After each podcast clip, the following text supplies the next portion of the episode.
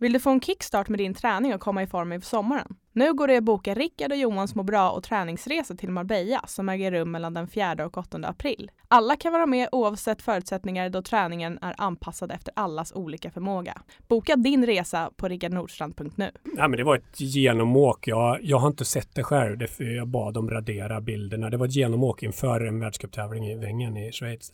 Så att den eh, tv-sändes inte så det finns inga tv-bilder på det. Och, eh, jag vill inte se det för jag kommer ju naturligtvis inte ihåg någonting utan jag vaknade upp på ett sjukhus i Interlaken. Och jag tror för min del är det bara negativt att ha en bild i skallen hur det gick till. Och jag skulle dit och tävla och köra samma störtlopp året efter.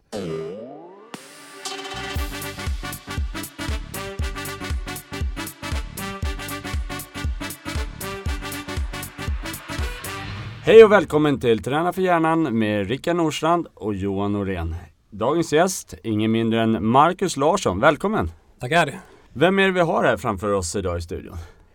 Eh, före detta skidåkare. Eh, född och uppvuxen i, på Hammarö utanför Karlstad. Eh, tävlat i världscupen under en lång tid. Intressant, intressant. Om vi backar bandet då. När du säger att du är från Karlstad. Eh, och för mig låter inte det som en skidort direkt. Hur kommer det sig att man liksom snappar upp skidåkning? Ja, jag, jag vet inte. Jag höll på med all typ av idrott när jag var yngre. Och eh, såklart som det är för många andra så hade jag en storebror som åkte skidor också. Mina föräldrar tog med mig på skidåkning. Jag tyckte det var väldigt kul men, men jag sysslade även med all form av idrott när jag var yngre. Framförallt hockey och fotboll men, men även andra aktiviteter. Och sen eh, fastnade jag nog helt enkelt för skidåkning för jag tyckte det var så mycket roligare än allt annat. Och vart åkte du då när du säger att ni var var du på semestrarna då det började eller? Ja, vi var väl i fjällen sådär och firade jul och, och eh, men redan, alltså när jag var väldigt liten. Så jag började väl åka när jag var tre år och sen fanns det en, en, eh, en liten backe i en grusgrop i, i ja, några mil från Karlstad. Så det var väl där jag började köra i, på hemmaplan om man säger så. Vi hade även någon kanske pulkabacke eller någonting som man körde in när man ja. var väldigt liten för att få pröva på. Men, men det var väl där jag började åka. Men du nämnde också din bror. Var det din inspiration att du började med skidåkning eller? Ah, inspiration vet jag inte om vi ska ge han, men han är tre år äldre än mig och eh, det var väl mer att vi gjorde grejer ihop och, och vi båda tyckte det var kul att åka skidor. Men eh, jag tror i och för sig att, mina, att det kan ha med honom att göra för att mina föräldrar berättade så här i efterhand att han fick några skidor när jag kanske var två år eller någonting. Och då blev väl jag ledsen men sa väl ingenting och, och då tyckte de så synd om mig och, och, och, tänkte att han kan väl få ett par skidor han med. Eh, om, eh, så, så kunde jag väl använda dem när jag blev äldre. Eh, men då, då, blev det att jag hängde på i alla fall och körde med dem där. De var väl lite för långa för mig men eh, att jag tyckte det var väldigt kul. Och, så på något sätt kanske det var att jag ja. ville vara som brorsan. Köra.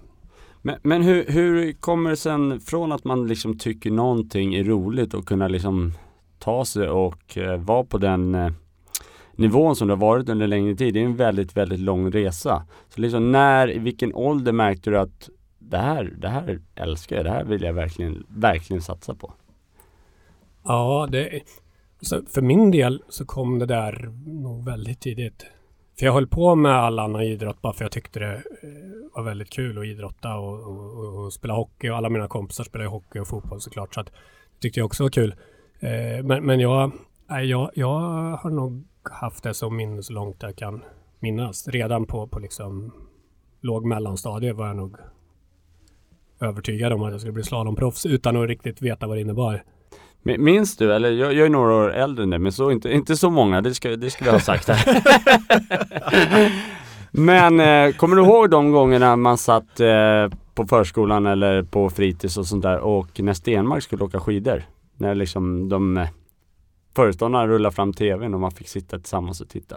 Var det där någonstans det föddes också att du skulle vilja stå där som ja, en av världens bästa? Många har nämnt det där men jag, jag minns inte, nu kanske jag försöker hävda att jag är ung här eller någonting, men jag minns inte riktigt Stenmark på det sättet. Jag har alltid känt till honom, den största någonsin och all respekt för honom. Men jag kommer inte riktigt ihåg det där lika mycket som äldre personer som du. Nej, det är lite suddigt för mig också. jag, jag kommer ihåg när jag var, gick på, på dagis. Har jag uh, vaga minnen ifrån att vi kollade OS i Sarajevo. skidåkningen där. Men då var det inte att jag snappade upp vem vi tittar på utan mer att det var skidåkning på tv. Eh, så, eh, men, men jag vet ju att det var ett, jag, jag kommer ju väl ihåg Plex som kommenterar skidåkning och hela den där inramningen. Och, och, och ehm, så att det, jag följde ju såklart. Mina föräldrar satt väl bänkade så jag satt ju också och tittade när jag var, liten. Men, men om man då är en liten eh, kille eller tjej där ute och känner någonstans att skidåkning det är liksom det är det jag vill göra. Men man kanske då bor i en stad eller en kommun som inte har tillgång utan man då får åka lite på semestrarna med sina föräldrar. Vad är liksom nästa steg? Hur ska man kunna liksom ta det här på allvar? Hur, hur var din resa? För min del, eftersom vi inte hade någon backe där jag växte upp så blir jag ju väldigt, väldigt beroende av eh, schyssta föräldrar som ställer upp och, och skjutsar. Även om det nu fanns en backe tre mil bort så är det ju ändå, förstår jag ju framförallt idag, en väldigt, väldigt mycket jobb de, de har lagt ner på att köra mig och skjutsa oss på liksom, kvällsträningar var och varannan dag. Så att det är nog omöjligt att göra på egen hand som barn om man inte bor precis bredvid backen. Eh, så, så det, det, är ju en förutsättning faktiskt. Sen är, tror jag inte att man ska ha så höga krav på förutsättningar utan det viktiga är att det finns en liten backe och det finns en lift. Och, och, och framförallt att man har snö i den. Och, nu för tiden har de blivit betydligt bättre på att göra och tillverka snö så att även om vintrarna kanske inte är så bra så är backarna öppna ganska länge kan man bara se här i Stockholm att det finns rätt bra förutsättningar och kollar man på unga åkare så är det väldigt många duktiga åkare som kommer från just eh, städer som, och framförallt Stockholm, är väldigt, jag kan tänka mig att de är ledande i landet på, på ungdomssidan. Mm. För att det, det, det, är ändå, det är väldigt många som åker och, och det är tillräckliga förutsättningar om man säger så med, med mindre backar. Det finns fördelar med att ha små backar också. Ja. Men det hände ju någonting där vid 16 års ålder. Då beslöt du dig för att liksom satsa ordentligt på skidåkning va? Ja. Ja, fast jag, ja. Jag hade nog beslutat mig betydligt tidigare. Ja. Faktiskt. Jag, Men du jag, gick vid skidgymnasium? Ja, när, ja. när ja precis. Jag, jag, flyttade hemifrån när jag var 16 och gick ur nian. Och då Ja. flyttade jag upp till eh, Norrland. Jag gick upp i Gällivare på skidgymnasiet. Men eh, så jag, jag eh, hade nog känt till det långt innan. Det var inte ett stort beslut för mig där och då utan det beslutet hade nog jag tagit långt tidigare. Vilket jag förstår idag också kanske inte är helt vanligt att man gör men för min del var det. Men som du säger, du hade ju också många olika idrotter eh, och det kanske också var till sin fördel att du hade hockeyn och sen skidor och vad du mer gjorde. Ja. Eh, så kanske du tyckte att skidåkningen var rolig. Så du inte bara satsade. Det tror jag absolut. Det är klart att jag har tänkt många gånger att om man hade fått växa upp eh, på ett ställe där man har en backe och en lång vinter som man kan åka hela vintern utanför dörren att kul att veta hur långt jag kunde ha tagit mig då men för man lägger ändå en väldigt stor grund för sitt idrottande tror jag i unga år. Och att, att göra många repetitioner och det här och kunna eh, lägga ner mycket tid på det. Men för mig var det också en fördel med det, som du säger, att jag kunde framförallt spela mycket hockey eh, och det gjorde att jag hade en väldigt glöd för skidåkning när jag fick chansen att åka. Och sen var det alltid lite en vetskap att det kunde vara den sista dagen på säsongen när man var iväg i stort sett. Att man visste inte när man skulle få åka igenom. snön faktiskt kan vara borta. För så var det vissa vintrar. Backen kanske stängde i februari och då, då var det inget mer än kanske högst på, på helger man kunde ta sig iväg. Och det gör ju också att man, i alla fall jag, eh, kanske tar vara bättre på, på dagarna. Men även det här att, att få olika eh, idrotter och, och träffa olika vänner och, och en väldig variation. Hade jag bara åkt skidor från att jag var 10 bast, då, då kanske det inte alls hade varit så kul. Och just slalom? Varför blev det just slalom? I, i alpint så jag, jag tävlade ju alla grenar när jag var, var yngre. Och ehm, även, eh, jag menar i världscupen har jag kört både kombinationstävlingar som man hade mer av tidigare som är både störtlopp och slalom och, och slalom och stor. Sen även tävlat, ja, då är dels slalom och även storslalom mycket i världscupen. Så där körde alla grenar i stort sett. För det man ser på tvn, jag, jag, jag är jättenyfiken om du kan hjälpa oss att ta igenom det. För det man ser, man får ju inte med så mycket av lutningen på tv. Och liksom få lite inblick i hur fort det går i alla momenten, de här svängarna och hur mycket kraft det är i varje. Alltså, För det första då, hur mycket lutar en sån här backe? Det ser ändå ut att vara rätt brant. Ja, ja men det, det är det. Eh, men det varierar lite också. Alla backar de, de slalombackarna vi har i världscupen, det är ungefär samma varje år. Man har en tour där de går, så det är små förändringar. Och, och de backarna, såklart är de väldigt, väldigt branta, men de har ofta någon del som är flack också och, och man måste kunna behärska allting.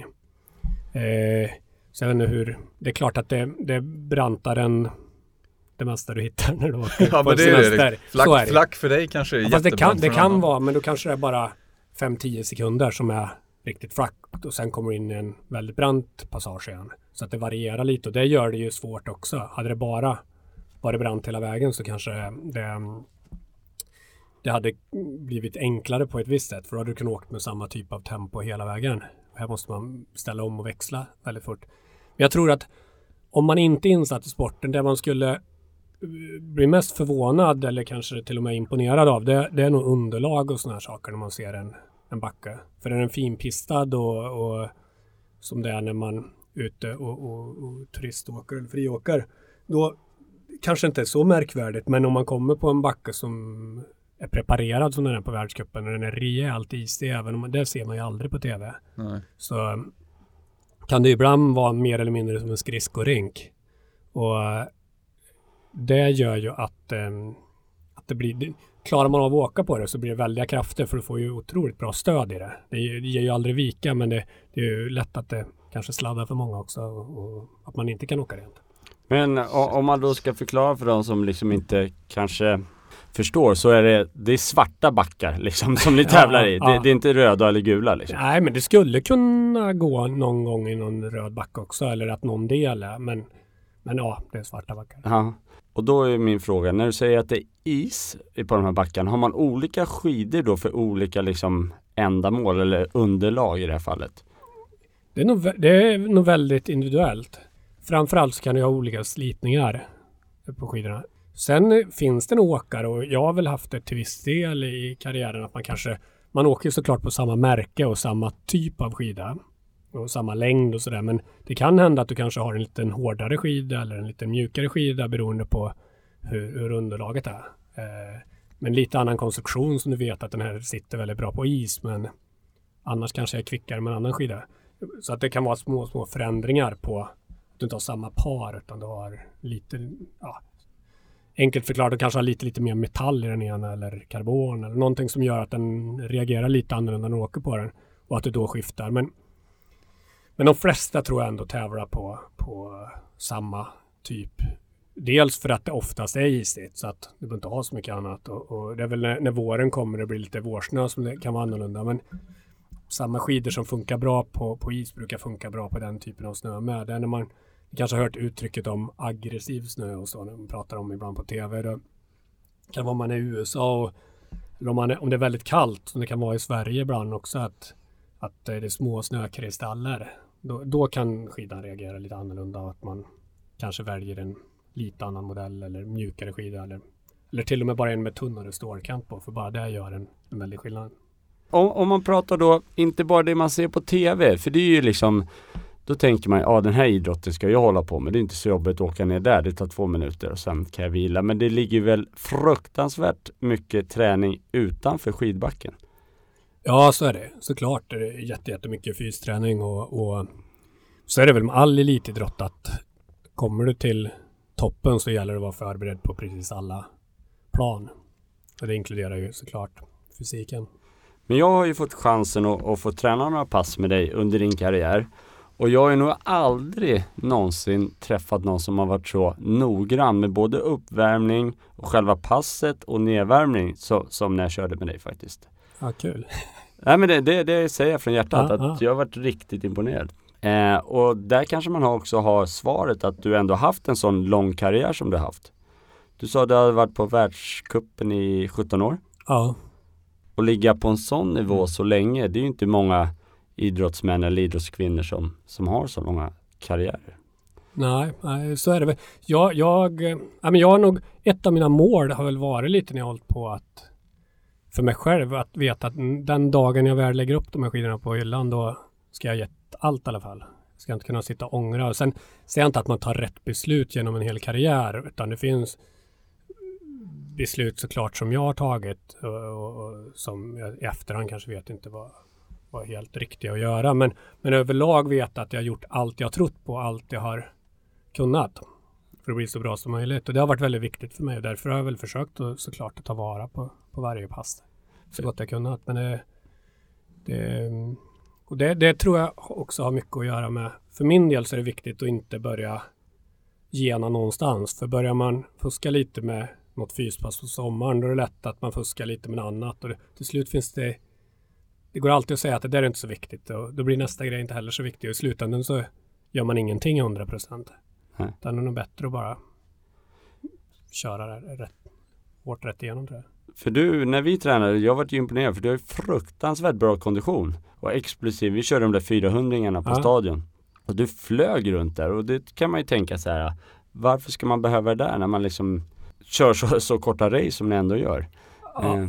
ja fast just åktiden är ju ganska likt ett 400 meters lopp om man ska Jo, ja. Åktiden är ju mellan ja, slalom kanske vi ligger runt en minut och storslalom uppåt en och en halv minut. Så att det, det är, eller i alla fall 1.10 till 1.25 någonstans i storslalom. Och, och det är en ganska bra liknelse för att så sliten är man ju i slutet av ett åk också. Och, ja. och just i en teknikidrott också, då blir, det, blir du trött så tappar du mycket koordination. Och, och med andra ord åkteknik och det är det allting håller på, att du måste, måste hålla tekniken hela vägen. Så att det, det är en väldigt, väldigt viktig del att vara uthållig och kunna inte bara vara stark de första tre svängarna utan hålla det hela vägen ner i mål. Men kan du ta, ta oss igenom det? Hur, hur har du tränat din fysträning genom åren? Vad, vad, vad innebär fysträning för dig som skidåkare? Jag har väl hittat vägar som jag tycker har funkat bra för mig i, i, tillsammans med duktiga fystränare jag använt mig av också såklart. Eh, men det har inte varit så mycket hokus pokus heller utan ren kondi konditionsträning så har bestått mycket av löpintervall och, och cykelintervall och sådana här saker. Styrketräning har varit ganska klassiska styrkeövningar också med knäböj och, och frivärning och så vidare. Sen har jag haft vissa begränsningar på grund av min rygg som har varit strulig i, i stort sett hela min karriär.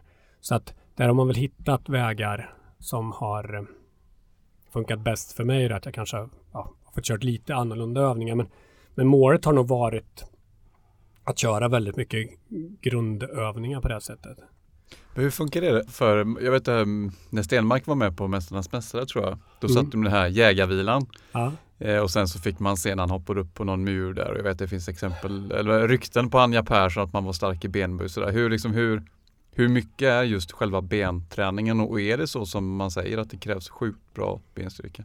Jag tror idag om man kollar, svårt att säga, alla har olika teorier på exakt hur man ska vara tränad och, och, och kollar man på de som gör bra resultat i världscupen så finns det många olika typer av, av eh,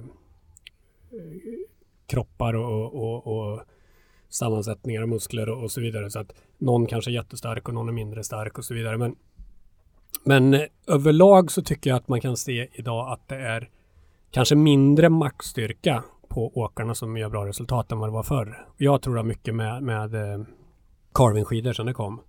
Att man åker på ett lite annorlunda sätt. Tidigare på traditionella gamla skidor så fick man kanske kliva runt på ett annat sätt. Och inte, idag är det li, lite mer smidighet i åkningen tycker jag. Och, och, just att man, man kan ta krafterna med lite rakare ben. Det ställer inte riktigt samma krav på att du bara ska vara stark. Sen tror jag i och för sig att, att både Sverige och även Norge och länderna här uppifrån, åkarna på 90-talet om man säger så, de var extremt starka. Men när jag pratar med folk från alpländerna så var de inte så, så var det inte så stor skillnad på, mot hur de tränar idag.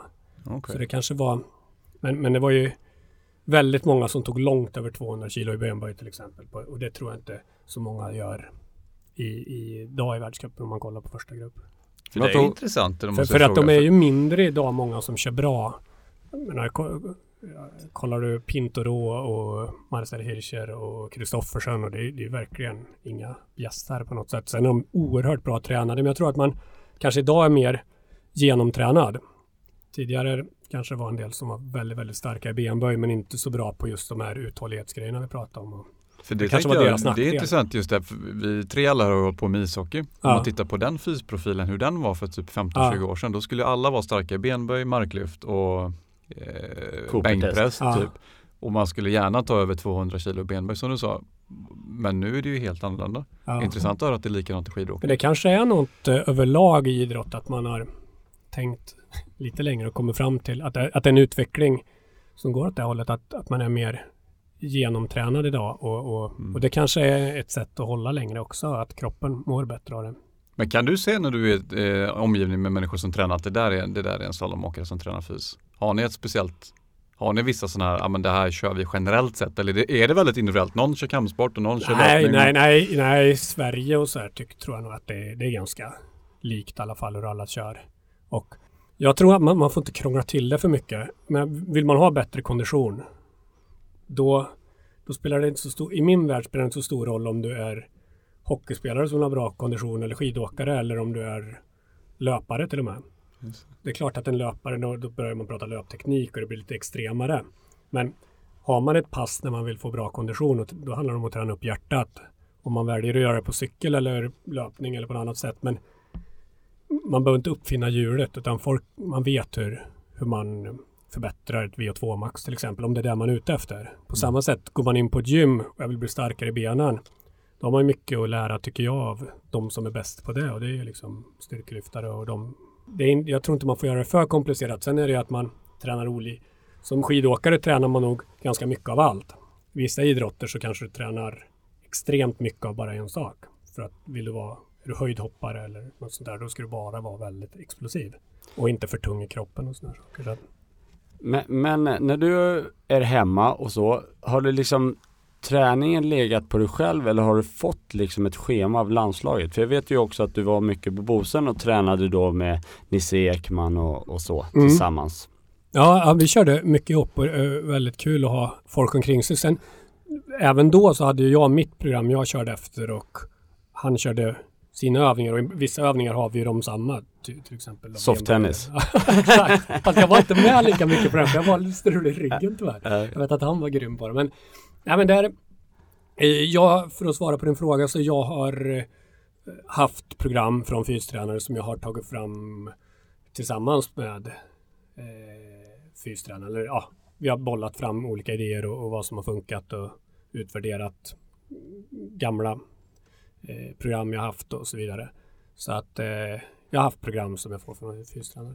Det där är ju väldigt, väldigt intressant för alla individer är ju olika. Alla borde ju träna olika. Mm. Eh, så jag, och det här borde man ju ta efter i ishockeyn till exempel. Mm. Eh, att backar inte borde träna lika mycket för, mm. som forwards och sånt där. För det är också individuella personer. Och en del mm. kanske är snabba, en del kanske behöver göra mer på rörlighet och sånt där. Så det är intressant att du säger det, att ni verkligen inte fick ett schema som gällde för alla i landslaget utan de gick in Mm. Och, och fokusera på en Nu gjorde jag, i, idag i landslaget så är man är det betydligt proffsigare och bättre upplägg. Och jag säger att det finns det är helt enkelt, man har betydligt bättre budget idag än man hade för 20 år sedan när jag kom in i, i, i landslaget. Och, eh, men, men mitt program, jag, det jag tänkte på när du ställde frågan, det var ju så här med eh, Rickard från SOK som var med och tog fram, det var, han hjälpte ju många idrottare. Han tyngdlyftaren. Exakt. Eh, så eh, kanske jag bollar de delarna med honom och, och, och även lite eh, just styrkeövningar och styrketräningen. Och, och, och, eh, sen kanske jag tog in andra när det gällde vissa andra bitar. Eh, men idag har de ett bättre upplägg med, med rena alpin tränare också som kan det där. Jag tror att det, man får inte blanda ihop det här jag, jag sa tidigare att, eh, tror att, att inte komplicera det, utan det finns ska man träna kondition då tränar man på ett visst sätt. Men det du är inne på det är att man ska inte träna lika. Och det är ju att mängden, att en del kanske behöver mer av det ena och mer av det andra. Men ska man väl gå in på ett gym, då tror jag att man tränar ganska lika på gymmet för att bli starkare i benen. Men en del kanske behöver göra det tre gånger i veckan och mm. någon extremfall kanske bara behöver det varannan vecka för att bara underhålla lite för att lägga all tid på annat.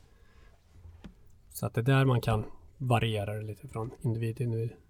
Men nu när vi ändå är in på träning och sådär, kan, kan du gå igenom det här passet som jag faktiskt har kört några gånger efter de här 400 meters intervallen som är liksom, det är så här hatkärlek. Det är liksom, det är ganska kul, man har en tid att tävla mot och man har ändå liksom, desto snabbare du springer desto mer vila får du och sånt där. Ja, eh, kanske jag gjorde, körde det mer bara för att jag, jag själv skulle få vila lite extra. ja, men, eh, om vi sprang 400 så var det väl, har, har jag väl utgått från en klassisk 90-30 eh, intervall. Eh, fast då springer man ju 400 snabbare än på 90 sekunder. Men ja, den klarar springa den på 1.20 då till exempel om man nu springer många. För det, det är tuffare än vad det kanske låter att ligga på, på 1.20-1.15 på en 400. Eh, då får man ju vila då 40 eller 45 sekunder.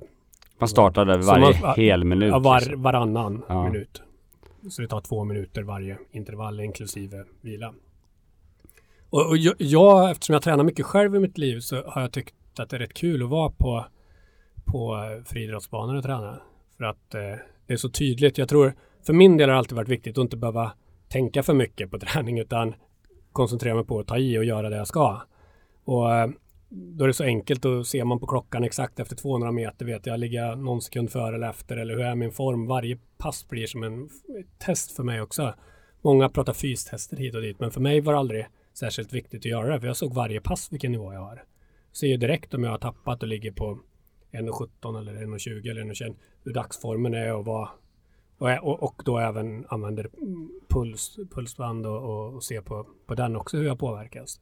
Så att för mig, därför har jag ofta kört på, på den typen av banor. Ja, man, vet alla tror jag som har varit ute och försökt göra en intervall på någon barkbana någonstans. Ibland går det lite nerför och ja, då tappar man ju pulsen direkt och, och hur fort man än springer. Och det blir för mycket och vilken längd man ska springa och och ha koll på det man gör. Så för mig var det alltid både kul och eh, bra. Det gick aldrig att fuska i alla fall om man sprang på en bana. Nej, men det var faktiskt väldigt kul och det, det, det låter kanske Ja, man springer på 1,20 men det som ska tilläggas i den här historien det var ju att vi samlades, vi värmde upp en halvtimme Sprang ja. kanske 25 minuter, stretchade 5-10 minuter och sen började ju passet och det var inte ett varv vi skulle springa med 1.20. Det var ju 12 varv. Ja. Så det, det, var ju ganska jobbigt. Men, ja. men, men, det var ju kul. Jag kommer ihåg, jag, jag kanske tappade ja, 10 sekunder från liksom första till sista. Men jag kommer ihåg, du låg ju verkligen på 1.20 hela, hela, hela tiden. Jag brukar nog trycka på lite till till och med de sista två. Liksom, att då kan jag veta att Kanske ta lite, lite långsammare första eller någonting för att inte dra på mig för mycket syra och sen kan jag trycka lite, lite snabbare de sista. För då vet jag att då ligger jag på rätt nivå själv. Vad jag, vad jag klarar den dagen. För det är väl, vad jag har lärt mig i alla fall ska man försöka att inte tappa för mycket för då kanske man gått ut lite för hårt.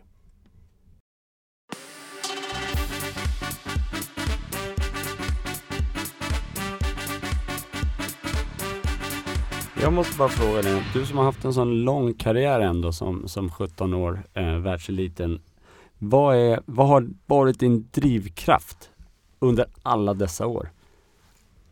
Um, du måste ju haft också tankar som så åh vad jobbigt, är det snö, åh det är jättekallt idag, åh, nej jag har träningsvärk. Alltså, vad är drivkraften varje liksom? mitt hjärta för, för sporten var, jag älskar skidåkning och, och jag har fått den där frågan så många gånger att men gud, hur orkar du hålla på? Och jag förstår inte riktigt vad folk menar när de säger det heller, för jag kan vara tvärtom. Kom igen nu. Det, jag känner mig hur privilegierad som helst som får hålla på med det här. Jag, ehm, alltså, när jag ser tillbaks på min karriär, jag, det, det jag känner mest är en sån oerhörd tacksamhet att jag haft möjlighet dels med skador och sådana här grejer. Jag menar det är många som faller bort på grund av otur helt enkelt och att jag haft folk runt omkring mig som har ställt upp oerhört på mig och gjort det möjligt för mig. För jag hade inte klarat det själv. Och, och så att jag känner inte riktigt igen mig där som folk. Det verkar nästan som folk ibland vill att man ska säga att ja, det var ett helvete det här. Men, men det var det inte, utan det var sjukt kul. Är det någon gång jag egentligen känner att det var tufft? Inte för att jag ifrågasatte vad jag höll på med eller någonting. Då var, men då var det nog i slutet av typ skolan eller säg när man gick på högstadiet och dels skulle sköta skolan som alla andra gör och träna väldigt mycket vid sidan om. Då eh, kanske det var tufft och jag missade mycket som andra gjorde och så. Men när jag har levt och kört det här professionellt som jag ändå gjort i större delen av min karriär då, då, då har jag bara känt det mer som, ett, som att jag varit privilegierad. Vad härligt att höra. Ja men det, jag kan ju någonstans förstå det för jag har ju varit och hälsat på dig i Monaco och, och, och, och, och bo där och leva där och liksom få göra det man älskar. Uh, vem skulle inte vilja göra det? Um, Väldigt många skulle jag vilja säga som kanske inte riktigt har hittat dit ännu. Att man, man gör någonting som man inte älskar. Nej men, men det jag också är väldigt fascinerad av, du sa ju du hade ju en skada i ryggen, ett diskbråck som du har liksom haft med dig alla de här åren och det har man också träffat på under sin eh, karriär som idrottare och sen när man jobbar med träning att det är många som har det som en ursäkt. Att liksom såhär, nej men jag har lite ont här och jag står över. Men du har ju verkligen bitit upp och kört och ändå hållit i 17 år. Självklart så fick du ta vissa smärtstillande vid vissa fall mm. för, för, att liksom klara smärta. Men du var ju ändå sån, sån stark drivkraft och det var det jag vill få reda på tidigare när jag frågade. Mm. Att det inte var något negativt utan det skulle bli något positivt som kunde liksom driva en att man liksom Man älskade idrotten så mycket ja. som i ditt fall då gissar jag. Ja. Nej, men, men så var det. Sen såklart, jag ville vinna tävlingar, alltid gilla att tävla, att jag vill bli så bra som möjligt. Och man kan även gå tillbaka till det jag nämnde tidigare här att jag ville veta den dagen jag lägger upp skidorna på hyllan att jag gett allt. Och, och, gjort så gott jag har kunnat i alla fall. Och sen får vi se vad det leder till, hur långt jag kan gå. Men så alla de här bitarna gjorde väl att jag ville köra på, men, men framförallt för jag älskade det så himla mycket. Och, och, det kan jag känna att jag gör än mer så här i efterhand, att jag bara jag saknar det mycket. Det är inte så att jag vaknar upp nu och känner, gud vad skönt att slippa det här, utan min glöd för sporten, den, den skulle nog finnas för tio år till, men jag förstår, jag kan inte hålla på att jag blir hundra, utan det, det, det, var, det vart rätt läge att lägga av. Då har jag nästa fråga här. Som, som liksom aktiv idrottare en längre tid, man har liksom byggt upp ett varumärke, man är en speciell person eh, och sen bestämma sig för att sluta. Hur har du tagit det? Ja, jag, jag, jag tror jag har tagit det bra. Jag tror att eh, många har nog som känner mig tycker nog att jag har förberett mig väldigt väl innan och att jag har kontroll på läget och och, och, det har jag väl till viss del. Eh, men, men jag känner såklart än idag att jag saknar det väldigt mycket. Jag hade gärna kört några år till om jag hade kunnat. Och, och för det var verkligen inte så att eh, det var inte som jag trodde det var, skulle vara när jag, när jag var barn och jag såg äldre idrottare själv. Jag tänkte att man håller på till man blir typ 25 och sen så har man ont i kroppen och är less och kör något år till och sen lägger man av. Men, men eh, jag, jag tröttnade aldrig eller blev aldrig less på det utan eh, det var därför jag höll på så länge som jag gjorde. Men, men sen hur jag tagit efter det, det mm, jag saknar det väldigt mycket men jag håller mig sysselsatt med andra grejer och, och njuter av livet och kan göra mycket annat kul som jag inte kunde göra när jag höll på. Eh, och, och, när jag saknar det då är det mer lite med ett leende på läpparna också för det är just i de stunderna jag känner mig privilegierad och tacksam för att jag kunnat gjort det. Jag tror det skulle kännas väldigt konstigt om jag hade lagt av efter så lång tid och bara kände för fasen vad skönt att jag inte behöver åka skidor. Då kanske jag skulle ha lagt av för tio år sedan istället. Ja, men du säger att du sysselsätter dig och sånt där. Det tror jag också är jätteviktigt. Men, men någonstans när man lever på den här eliten och allt sånt här. Det är ju säkert de här tävlingsmomenten och den här endorfinpåslagen och det här. Det måste ändå finnas ett, ett tomrum och får du ut det någonstans? Håller du i träningen? Kör du rehab fortfarande? Ja, för, ja men det gör jag. Jag tränar en del. Sen så känner jag inte för att träna, då stryker jag det här passet. Det är inte så att jag följer någonting, att jag måste göra. Men jag, jag tycker det är väldigt skönt att hålla mig i form och jag vet att bara för min rygg och de här rehabgrejerna vi pratar om, det är det väldigt viktigt att jag tränar för att, för att hålla mig i form.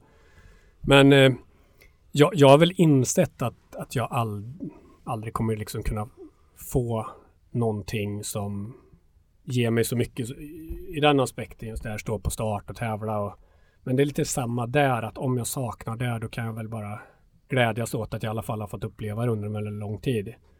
Sen kan man göra andra grejer som man får kickar av i livet men jag tror inte jag kommer hitta någonting som väger upp helt och hållet skidåkning. Men jag tror också att det är väldigt sunt att jag inte hittar det och kanske går in för någonting så hårt som jag gjorde.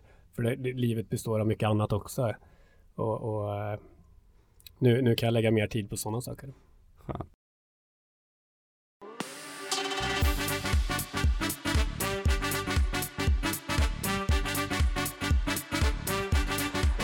Tänkte jag bara, om vi backar bandet till 2009 när du ändå var med om en ganska liksom hemsk olycka. Ja. Eh, och fick vara borta från skidorna nästan ett år va? Mm.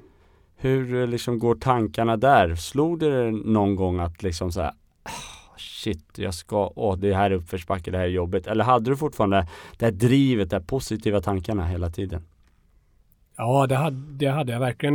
Nu, nu var den här skadan, för de som inte vet, så eh, kraschade jag i ett störtlopp och, och, och slog huvudet i väldigt illa och fick en blödning på hjärnan. Och, och det var lite oklart från eh, läkarna hur, om jag skulle bli återställd och helt och hållet eller det, det, är många som har gjort betydligt värre grejer än det jag gjorde och blivit återställda. Men det finns även sådana som har drabbats lindrigare och aldrig blivit bra. Så att i början så handlar det väl mycket om att komma tillbaks och, och se till att allting blir bra. Eh, och, men, men när jag upptäckte att det, och, och, och att, att det, det, skulle funka och det kändes bättre och bättre, då, då var jag nog bara peppad för att få åka skidor igen. Det jag tog med mig mer var nog att ett så litet misstag som det ändå var i åket det jag gjorde.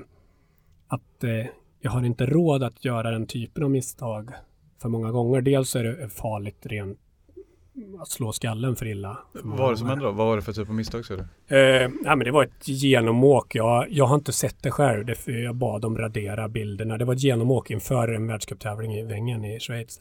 Så att den eh, tv-sändes inte så det finns inga tv-bilder på det. Och, eh, jag vill inte se det för jag kommer ju naturligtvis inte ihåg någonting utan jag vaknade upp på ett sjukhus i Interlaken. Och jag tror för min del är det bara negativt att ha en bild i skallen hur det gick till. Och jag skulle dit och tävla och köra samma störtlopp året efter. Så att det var ju...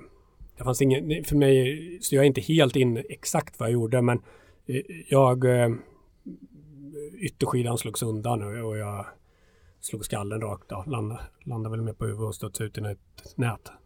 Eh, så eh, jag, jag, är inte helt hundra på vad som hände men jag tror det var det, det, är väl något som jag inte bör göra för många gånger. Och, och för att återgå till eh, där du frågade där om, om vad jag tog med mig från. Det var lite, just ett sånt litet misstag som det, vi snackade om. Jag hade full kontroll, kommer in i en sväng och eh, kanske står lite på innerskidan eller gör något litet fel i en några tiondelar eller knappt det. Och det räcker för att jag ska vara borta ett helt år. Och till och med kanske behöva avsluta min karriär. Och det skrämde mig lite i efterhand för jag har aldrig känt någon rädsla tidigare när jag kört eller så. Men då slog det mig lite att skulle jag göra en liknande grej igen och tappa ytterligare en säsong, då är min karriär över lite grann. Det var mer det som skrämde mig. att Det behöver inte vara just slå huvudet, utan det kan vara att jag drar sönder ett knä eller att jag gör någon annan grej så jag tappar. För tappar man två säsonger, då med ranking och allting, det, då, då är det en väldigt lång väg tillbaka. Men hur jobbar du med det då? Och övervinna den rädslan? Ja, men det var inte rädsla, utan det var nog bara mest där att jag inte tänkt på att eh, det är klart man fattar att, att, man kan skada sig och vara borta ett år. Men jag har, inte, jag har aldrig åkt runt och varit rädd för att skada mig för att vara borta ett år tidigare. Men det var, kände jag när jag kom tillbaka. Så jag vet inte, övervinna. Det var väl mer att man behöver inte ta några onödiga risker och, och, och allting. Men, men, samtidigt handlar ju skidåkning om att ligga på gränsen. Så att, det var nog mer att, att jag bara blev medveten av att det kan gå väldigt, väldigt fort och man vaknar upp på ett sjukhus. Men för jag är supernyfiken på det här. För nu, vi har ju pratat nu fysisk kondition och hjärta, lungor och stark i benen. Men hur har du jobbat mentalt under din karriär? För jag kan väl tänka att man börjar med någon form av glädje när man är ung och man tycker att det är jättekul. Och sen börjar man tävla och det kanske som i ditt fall då går bra och så mm. kanske man får lite inre förväntningar på sig. Man får också lite yttre förväntningar, kanske också lite krav från sig själv. Kommer du ihåg liksom hur, hur har du jobbat med den biten? Ja, men jag, jag redan rätt tidigt i, i karriären så kom det väl upp på tapeten att man hörde mycket om mental träning. Så jag ville väl pröva det med, även om jag kanske var lite skeptisk till det. Just för det vi pratade om och känna att då har jag prövat det med. Jag vill göra, ge allt och, och, och testa alla olika sätt för att bli bättre. Och eh, om jag minns rätt så var det väl genom SOK, de har ju en sån här eh, topp och talanggrupp eh, där, där jag hamnade relativt tidigt. Och de erbjöd den hjälpen och även från landslaget hade vi en, en del hjälp som som man kunde få pröva och få, få hjälp då. Så eh, jag, eh, jag började jobba, jag har testat att jobba med ett par, tre olika, med lite övningar och, och så, men för mig har det inte riktigt gett någonting faktiskt. Jag, jag eh, tycker att allt är ganska logiskt ändå. Eller vi, vi landar alltid där tycker jag i slutändan. Jag tror att man, jag tror de allra flesta sitter inne på svaren själva faktiskt om man väl eh, tänker igenom eh, situationen. Men hur har du tänkt? Du, du kanske har en talang på att tänka på ett sätt som är fördelaktigt. Men, men har, du, har, har, du tänkt på efterhand? Hur tänkte du exempel när du stod på startlinjen? Just, just där så, alltså det, det beror väldigt på. Vissa gånger så, du kan ju må väldigt olika på start. I alpint så skulle jag själv vilja säga att har du kört ut de två sista tävlingarna, då är det lite tuffare när du kommer på start tredje. Har du vunnit den sista tävlingen och kommer på start och åkt bra hela säsongen, då känns det nog ganska lätt. Då kan du typ offra en tävling för att du är ändå med på ranking och du har gjort bra resultat och alla sponsorer är nöjda och ingen ifråga. Då, så det är en känsla som i stort sett alla åkare känner. Och det är ju de där tuffa dagarna. Det är väl då man behöver ta för sig lite, kanske lite extra och, och verkligen bli stark. Och det är väl där jag kanske har eh, försökt att liksom, jag skulle vilja må sådär bra varje gång jag står på start. Det har väl varit mitt, jag förstår att det är tufft att nå det, men mitt mål i alla fall, när jag har pratat med olika mentala tränare och men för min del så har vi nog alltid kommit fram till att det, det är inte så lätt att nå det. För att man, det, det, vem mår bra om du har bränt ut i två tävlingar och alla ifrågasätter dig? Stå där och vissla på start och tycka att livet är glatt, det, det är ingen som känner det. För jag tänker, ni, ni jagar ju ändå hundradelar mm. och det är mycket förutsättningar ytterst. Som du säger, du banar och det är is och det är snö och det är alla möjliga mm. situationer som man inte kan kontrollera. Jag tänker direkt på att tänk om jag kör ur. Mm. Tanken. Ja. Tänk om man missar porten. Tänk om det är för... Ja, det är hur, jättebra. Men ja, för min del funkar det rätt bra. Tänk om du kör ur. Ja, vad händer då? Ja, du går till hotellet och är rätt less. Det känns inte så himla farligt. Så du ja. landar i en värsta tanke kan man säga? Ja, men, ja, men lite, det lite så. Jag tror att gamla klyschor att du måste våga förlora det här. Det, det är väldigt, ligger mycket sanning i det. För vågar du sätta det på, på sin spets att om jag vågar riskera idag. Jag kan ta det. Jag kan bränna ut en tredje och en fjärde rad också om det skulle vara så. Då vågar du, vågar jag i alla fall, jag tror det är väldigt normalt, att då, då kan man verkligen ge järnet. Och det är det som krävs. Och sen det när jag pratar om logik och så att i alpint så det är väldigt, jag skulle på herrsidan skulle jag vilja säga att det knappt finns en åkare som kan ta det lugnt ett första åk och, och vara säker på att kvala för att i vissa fall kan det vara liksom en sekund, en och en, och en halv sekund framförallt på de här tävlingarna som går i början av säsongen när det är bra underlag. Då, från att du leder till att du inte får köra andra åket. Och, och slår du av, ingen har råd att, att ta ett lugnt åk. Så du vet ju med dig på start innerst inne att du har inga val. Antingen ger du allt och det kan gå bra men det kan också gå dåligt. Eller så tar du det lugnt och då går det garanterat dåligt. Vilket väljer du? Har du, har, du, har du erfarenhet att du har sett kollegor i branschen som har kanske spänt sig och låst sig och kört ut tack vare att man har varit för hög anspänning? Ja men alltså Pratar massor. Man om ja fast när du kommer till en världscuptävling då är det väl i stort sett samtliga eller de som är med i alla fall om man säger 30, 40, 50 bästa alla de är ju där för att de är väldigt, väldigt duktiga och att de har utmärkt sig hela vägen. Så att från de att de är unga och tagit sig igenom alla dessa steg för att ta sig till en världscuptävling. Så att jag tror att alla är nog lite bättre än snittet i alla fall på, på de bitarna du är inne. Men kan, kan, du se nu i efterhand, för det tycker jag är exempel kul när man tittar på Formel 1 och sådana sporter, att, det, att eh, skillnaderna, exempel som du säger, ja men det kan vara en, halv eller en sekund som skiljer. Men det kan skilja på den sekunden från första till tjugonde. Mm. Vad är det som gör skillnaden, tror du, från de som är topp till de som ändå är duktiga men som hamnar på tjugonde? Ja, nu, nu pratar jag om, om vissa tävlingar kan det vara betydligt längre emellan. Men det är ofta när banorna blir dåligare och blir väldigt uppkört. Men, mm. men för mig är det där. Det är klart att det slår någon tiondel hit och dit. Men när du är med i toppen då har du tiondelarna på din sida ibland också. Och någon gång har de emot dig och det ser man på alla åkare också. Eh, men om man pratar, det kanske låter lite med en halv sekund, men en halv sekund i 70 km i timmen. Om du skulle se åkare mot varandra så är det jättelång sträcka. Så att det är ganska mycket om du, om du ser det så. Och det är det som är så kul när man tittar på tv. Ja. Vad heter reporten som alltid är med? Han sa, ah, nu ligger lite långt ut ja, och lite långt bort. Jag vet inte om du tänker på Stig Strand eller någonting. Ja, exakt. Men, och så, men och så, man ser ju inte alls samma sak ja, ligger lite långt in, Nej. kommer inte för långt nära och det här tappar vi tid. Okej, okay, då liksom? Man ja. ser inte det. Och så skiljer det så här 35 hundradelar. Ja. Men skulle du sätta de åkarna mot varann och du såg de här 3500 delarna i tid. Så med en, en, I slalom brukar man prata om att, att mellan varje käpp så är det kanske 8, 9 tiondelar. Och skulle någon vara en hel käpp efter någon, det är väldigt mycket. Och då är det som sagt då är det under en sekund ändå. Så, att, wow. Så det, det kan låta att ja, men jag var bara en sekund efter. Ja, men du var distanserad med en hel käpplängd. Alltså, Just det. Så, så det, det är jag kan du känna ett åk så här att det här går fort? Idag, nu, nu ja, är det ja, ja. Men, men, men de gångerna man känner mycket på en tävling, för min del i alla fall, och jag vet att många känner samma sak, det är att börjar du tänka på att det här går fort, eller börjar du tänka överhuvudtaget, då går det ganska sakta när du har tid att tänka. När det går fort det är nog de gångerna du har full sjå och hinna med bara och inte hinner tänka så mycket på om det här går fort eller sakta eller för annars är du för kontrollerad. Men då blir det här ändå mer spännande. Vad, vad är då den mentala strategin för att liksom hamna i ett tillstånd där man åker fort? Eh, alltså för min del, jag kommer sällan ihåg någonting efter tävlingar. Som sagt, när jag kommer ihåg någonting. Det kan vara att, i alla fall när jag kommer ner i mål, då har jag då kommer jag inte ihåg särskilt mycket från åkaret. Om jag gjort en stor miss, att det verkligen har blivit ett stopp någonstans, då kommer jag ihåg det. För då har det inträffat någonting. Men, men annars så kommer inte jag ihåg särskilt mycket av åkare. Sen kan det hända att någon timme senare så börjar det komma tillbaka. Så att, ja men just det, det där kanske hände. Eller det, det tror jag har lite med anspänning och koncentration och adrenalin och hela men jag tänker bara, tänk att komma hem från arbetsdag, hur var det på jobbet? Ah, ingen aning. Minns ingenting. Nej men du kan alltså... tänka dig att stå och göra en intervju i mål till hur trötta journalisterna är på att höra att man inte riktigt minns hur Men då undrar jag, hur, hur, gör, hur förbereder du innan? Går du igenom banan och går ja. du igenom porten och vet du liksom exakt, skulle du kunna åka i princip med blindfart? Alltså förstår du vad jag menar? Har, har du mm. den inne i huvudet, själva banan? Ja, det har jag nog. Eh, ja, det där är också väldigt individuellt. Jag besiktar väldigt väl ofta.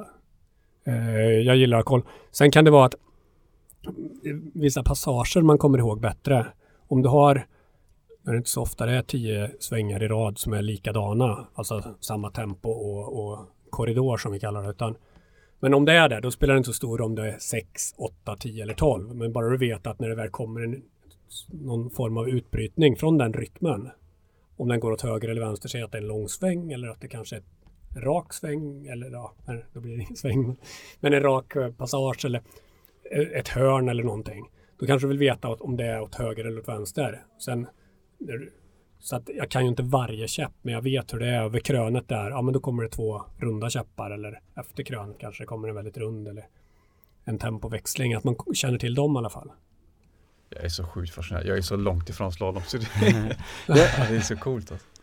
Men, men det, det du nämnde om, om eh, om, eh, om man har sett många som inte kanske pallar trycket när det väl gäller. Exakt. Det är naturligt, det jag menade med det är mycket i världscupen så har de ju kommit en bit på väg. De har ju levererat för att komma dit de är.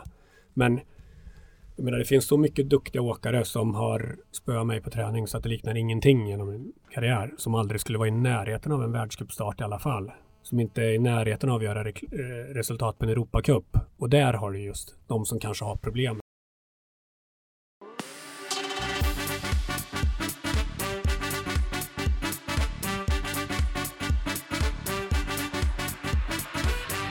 Träna för hjärnan sponsras av Simor. Simor är en streamingtjänst för film, serier och sport. Nu har även Sportkanalen haft premiär. Sportkanalen visar veckans match från Allsvenskan och utvalda matcher från Superettan och Handbollsligan. Med programledare som Anna Brolin, Lasse Granqvist och Olof Lund.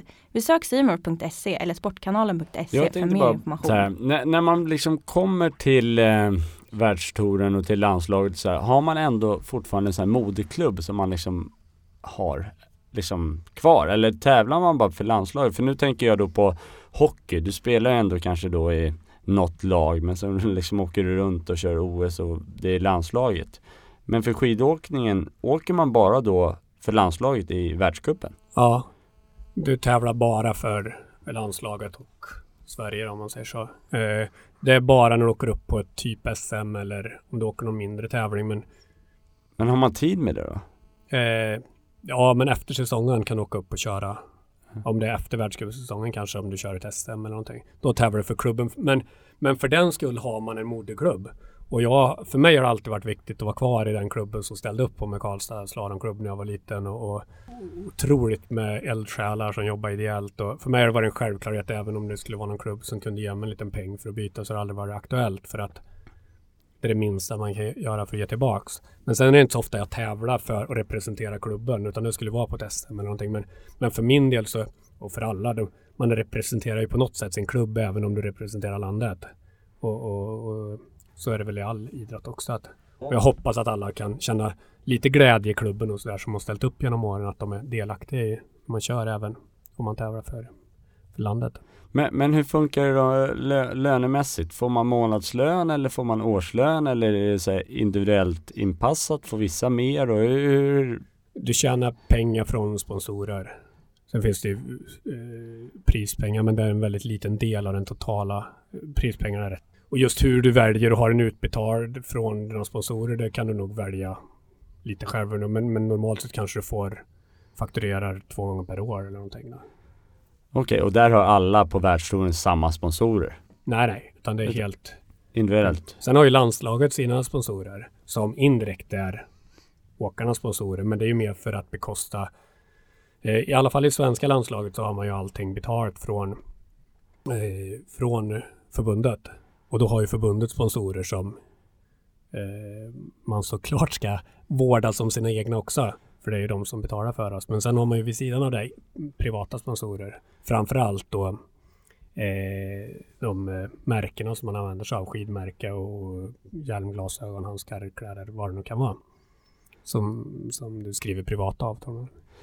Men, men om man är där eh, ute som ung och liksom känner sig, ja ah, men jag kanske vill bli ett skidproffs. Finns det ändå den ekonomin att man kan göra en karriär och sen ja, leva på det?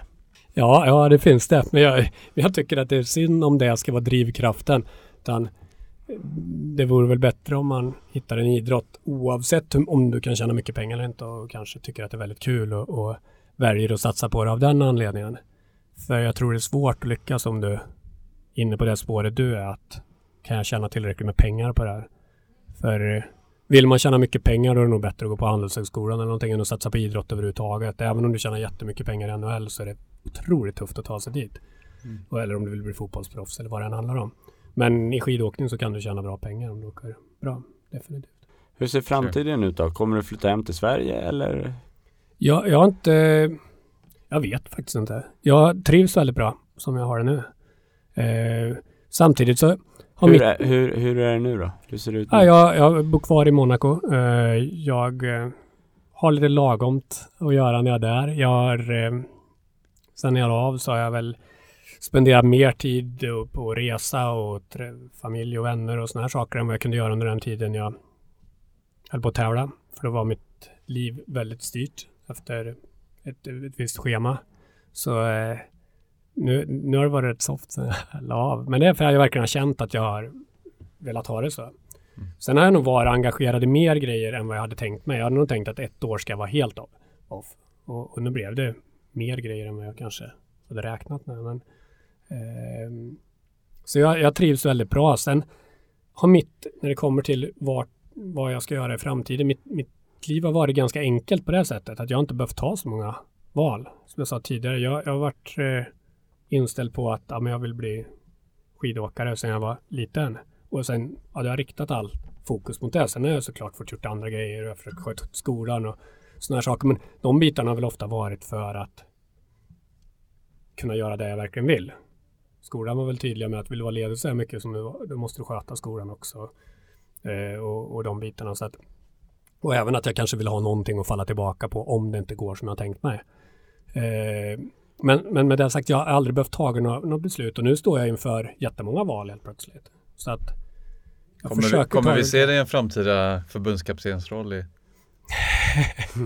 Nej. Eller tränarroll? N när jag höll på så var det helt uteslutet att jag skulle bli tränare. Och, och, och, och det känns fortfarande inte särskilt sannolikt. Men eh, jag, jag förstår verkligen allt man blir det. Just det här med pratade om från början, att, att jag verkligen älskar skidåkning och jag är, pratar man utbildning så är jag väldigt välutbildad mm. i just den sporten och, och jag, det är lite synd att inte ta vara på det för sin egen del, att, att allt jag kan. Uh, och Men, men jag känner att jag behöver vara borta från sporten ett tag i alla fall. Uh, och sen skulle jag vara sugen på det i ett senare tillfälle, ja, då får vi ta det då. Men jag tror inte det. Hur som helst jag skyller mig själv och ger mig chansen att pröva någonting annat. Det är bra, för jag tänkte vi ska passa på nu för alla som lyssnar. Aha. Det är ju skidsäsongen som drar ihop, eller som börjar här nu för många. Vad, vilka är de vanligaste misstagen du ser hos eh, vanliga amatörer som ger sig ut i skidbacken och vilka tips har du för de som nu känner att ah, men jag skulle faktiskt vilja prova att åka skidor men jag är så rädd för att eh, krascha eller vad man nu tänker, åka ut eller göra bort sig eller vad det kan vara. Och nu har vi ju spetskompetens här så ja, nu får vi verkligen ja, passa. Ja. Nu gör du din debut här som tränare. Vi ser om jag levererar. Men, just det här du säger att det där är det många som frågar och undrar över. Och till att börja med, jag åker inte runt och tänker på vad folk gör för fel. Jag är ute i en slalombacke. Jag tycker bara det är kul att alla är där oavsett nivå och njuter av det och tar del av det som jag själv. Njuter, det är en definitionsfråga. ja, det är vad jag tror att de gör liksom. i alla fall. Ja, men att man är ute och umgås och har kul och, och är ett gäng. Många oroar sig sådär att de inte åker tillräckligt snyggt eller gör, åker tillräckligt bra. Alla som är duktiga, tror är väldigt få som bryr sig om sånt.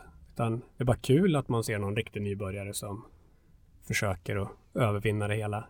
Sen vad de ska tänka på, ja. Ja men har du, finns det några sådana generella eh, grundläggande tips man kan verkligen säga, ja men det ska jag prova eller det kan jag applicera eller? Om man är lite, lite bättre, eh, inte total nybörjare, så handlar det mycket om att få upp skidorna på kant när man åker.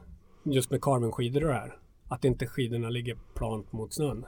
Okay. Det brukar jag säga även just för att, förenkla, för att förenkla. Ja, men mm. för, att få, för att kunna svänga ordentligt, kunna svänga på skär om, om, om du får upp skidorna istället för att gå in i detalj exakt hur man ska göra, om man ska ha höft, om man ska vrida kroppen hit och dit. Men försöker folk, eller få in knäna eller vad man nu kan säga, men får man upp skidorna på kant då svänger de i alla fall. Om man vill få lite carving-sväng. Det var inget bra tips tydligen. Jo, jo, jo det är säkert superbra men, bara... Just om man står i en backe så blir det lite... Men hur svänger man annars då om man inte får upp ja, dem på kant? Ja, men då åker man... Ja, nu kan jag visa för er, men nu är det ingen som förstår. Men om, om du bara åker och, och, och sladdar med skidorna, då är de ganska plana mot snön. Får du upp dem på kant så då kommer det gå på skär. Okej. Okay. Eh, om du ser någon med väldigt plana skidor, då kanske de åker och sladdsvänger bara åt varje håll hela tiden. Ja. Skidorna kommer aldrig att greppa någon vart, de kommer aldrig få ett skär. Men ställer de upp skidorna lite mer på kant och trycker till dem, då, då kommer de svänga av sig själv. Och då behöver man inte jobba så hårt. Sen är det bara att man ska svänga tillbaka åt andra hållet som att... Ja. Eh, Eller så åker man och plogar, så kör man köttbullar bara ända ner till liftkön. Sist ner. Nej, stort tack att du tog dig ja, hit Mackan och eh, var kul att se dig igen och jag hoppas jag blir inbjuden till Monaco och hälsa på igen. Ja det vet du, du är alltid inbjuden. Bra, tack snälla. Tack så mycket.